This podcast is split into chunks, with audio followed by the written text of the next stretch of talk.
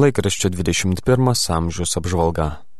Naujausiame 21 amžiaus numeryje daug vietos skiriama karui Ukrainoje, informuojama apie su tuo susijusius Lietuvos valdžios sprendimus, kelbiama, kur ir kaip galima pagelbėti pabėgėliams iš šios kenčiančios šalies ir prisidėti prie humanitarinės pagalbos Ukrainai. Pirmieji karo pabėgėliai iš Ukrainos atvykę į Utenos kraštą įsikūrė Sudeikių daugiafunkcinėme centre, tai 23 žmonių grupė. 21 amžius spausdina arkiviskopo Kestučio Kievalo ir vyskupo Arūno Paniškaičio praėjusį sekmadienį melžiantis už Ukrainos ir viso pasaulio taiką pasakytas homilijas. Mindaugas Buik apžvelgia interviu, kuriuos ukrainiečių rytų peigų katalikų bažnyčios vadovas, vyriausiasis arkivyskupas Svietoslavas Ševčiukas davė šalies sostinės Kijevo pasaulietiniai žiniasklaidai. Ukrainiečių rytų peigų katalikų vyriausiojo ganytojo interviu aptarta ir popiežiaus pranciškaus diplomatinė pozicija bei veikla dėl Ukrainos reikalų.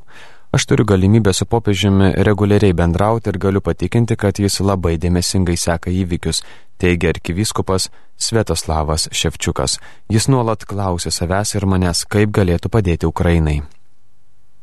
Kuningas Vitenis Vaškelis rašo, kad šetonas inspiruoja Kremliaus kliką, kad per jos leidžiamus įsakymus tęsiamas karas nieko nepateisinamais bombardavimais naikintų viską, kas tik jų kelyje pasitaiko. Tai nežmoniškas barbariškumas, liudijantis, kad jo ištakos glūdi ne tik gimtosios kalties pažeistoje žmogaus prigimtyje, bet klastingiausime velnio veikime.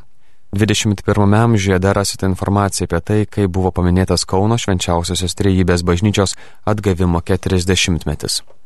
Pristatoma rašytoja Loreta Jastramskienė išleidusi naują romaną Visada tėve bus Amerika, kuriame autorė primena apie tremti patyrusių žmonių kančias, sugrįžusių iš Sibiro ištremtų žmonių anuomet niekas neatsiprašė. Sovietų valdžia palaikantieji dažnai juos įskūsdavo, tačiau daugelis tremtinių neprarado žmogiškosios stiprybės, perdodami ją savo vaikams, tarp kurių yra ir autorė.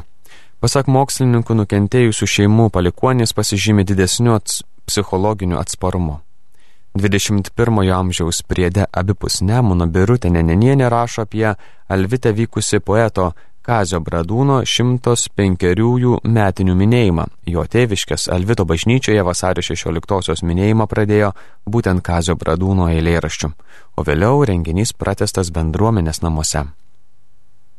Bronius Vertelka apsilankęs vadoklių bibliotekoje išvydo seniūnės Mildos Tamokaitienės rašiklių kolekcijos ir raštvedės Vilmos Federavičianės degtukų dėžučių parodą. Rašoma, kaip šios moterys susidomėjo tokių dalykų kolekcionavimu ir ką tai joms duoda.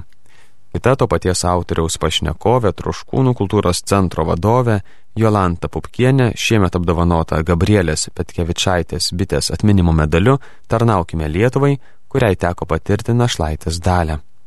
Prie debibus Nemuno sužinosime, kad į nematerialaus kultūros paveldo vertybių savadą įrašyta ir kapinių šventę Kisiniuose kurie yra Klaipėdos rajone, Dovilų seniūnijoje. Tai XIX amžių siekianti tradicija, kai paskutinį birželio sekmadienį prisimenami per metus čia mirę žmonės.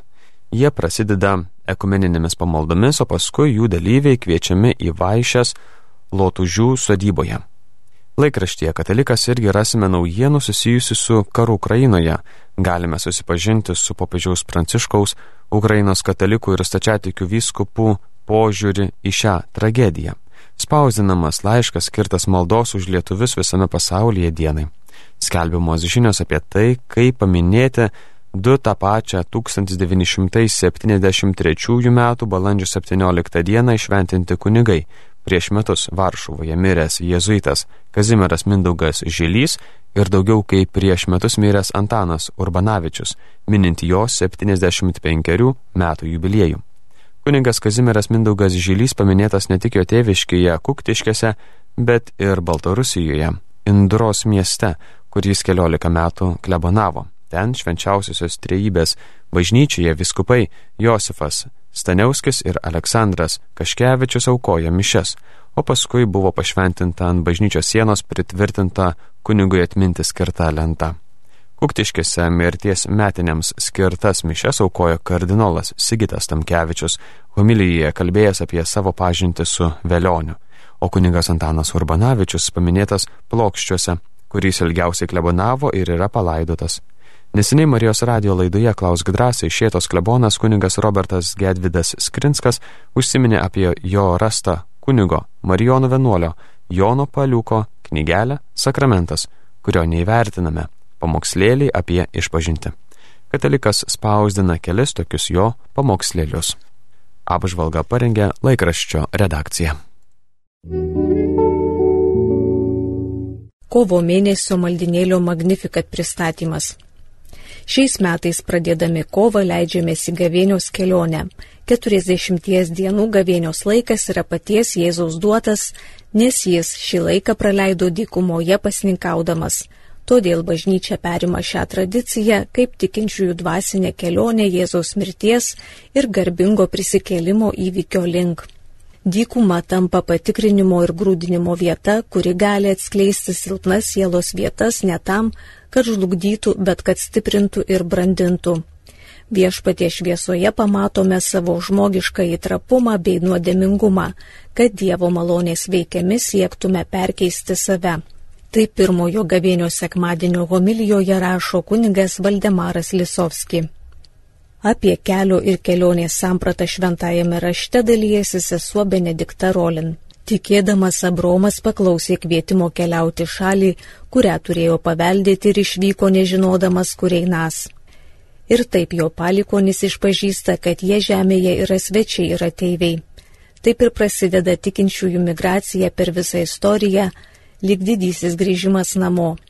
Kelią atgal nuo Egipto vergyjos namų į pažadėtąją žemę pasakoja išėjimo ir skaičių knygos, o jį ištisai komentuoja pakartotojo įstatymo knyga, nes ėjimas per dykumą tampa paradigminiu keliu, kurio šviesoje tauta turi nuolat peržiūrėti savo gyvenimą tiek laimės, tiek nelaimės dienomis.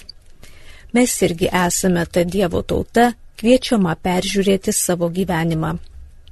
Šiuo metu mažose ir didelėse bažnyčios bendruomenėse kaip tik įsibėgėja sinodinis kelias, kuris gali būti ta gera proga peržiūrėti, taip pat atsigręžti vieniems į kitus, įsiklausyti ir pasvajoti. Galbūt einant šį kelią tiktų ir šiek tiek perfrazuota mintis iš tėvo Jeremijo Driskolo straipsnio apie šventasias mišes, kad suvoktume, kaip praktiškai būti bažnyčia ir nekartoti ankstesnių klaidų, turime ne tiek susitelkti jas, kiek pasistengti įsivaizduoti, kokia turėtų būti ideali bažnyčia. Šioje gavėnios kelionėje savo mintimis mus lydės palaimintoji iš Meksikos Koncepciona Cabrera de Armida – labai branginusi pamaldumą nukryžiuotajam Kristui. Apie jos kasdienį, bet kartu labai vaisingą gyvenimą rašo Vilija Tauraitė. Rubrikoje Evangelijos liudytojai apie namų bažnyčios bendruomenę ir šeimų mėginimą kartu eiti šventumo keliu pasakoja šios bendruomenės nariai. Kovo mėnesio viršelį puošia apreiškimo švenčiausiai mergeliai Marijai scena nutapyta prancūzų dailininko Žano Burdišono. Tai valandų knygos iliuminacija iš XV amžiaus. Agnės Rimkevičiūtės straipsnėje apie paveikslą daugiau sužinosime apie šio dažno krikščioniškoje dailėje siužeto ikonografiją. Vilėmės, kad šie ir kiti tekstai padės jums kelionėje prisikelimo link stiprybės. Linki Magnificat redakcija. Magnificat vaikams kovo balandžio mėnesio pristatymas mėly vaikai, tėveliai, katechetai ir ugdytojai.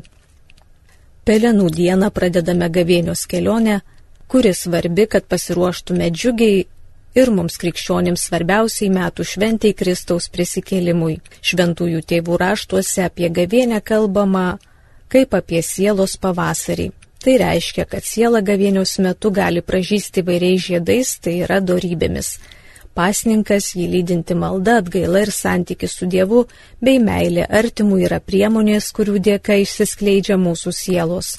Apie gavėnę kaip sielos pavasarį pasakojo ortodoksų kunigas tėvas Vitalijus Mockus. Su juo bei evangelikų reformatų ir graikų katalikų kunigais kalbėjomės apie Velykų šventimą jų bendruomenėse.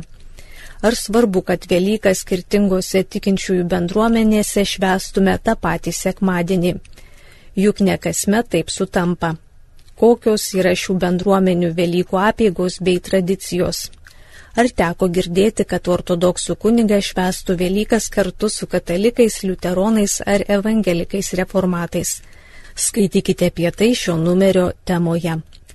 Per Velykų apeigas kai kurios bendruomenės skaito Šventojo Jono auksaburnio homiliją.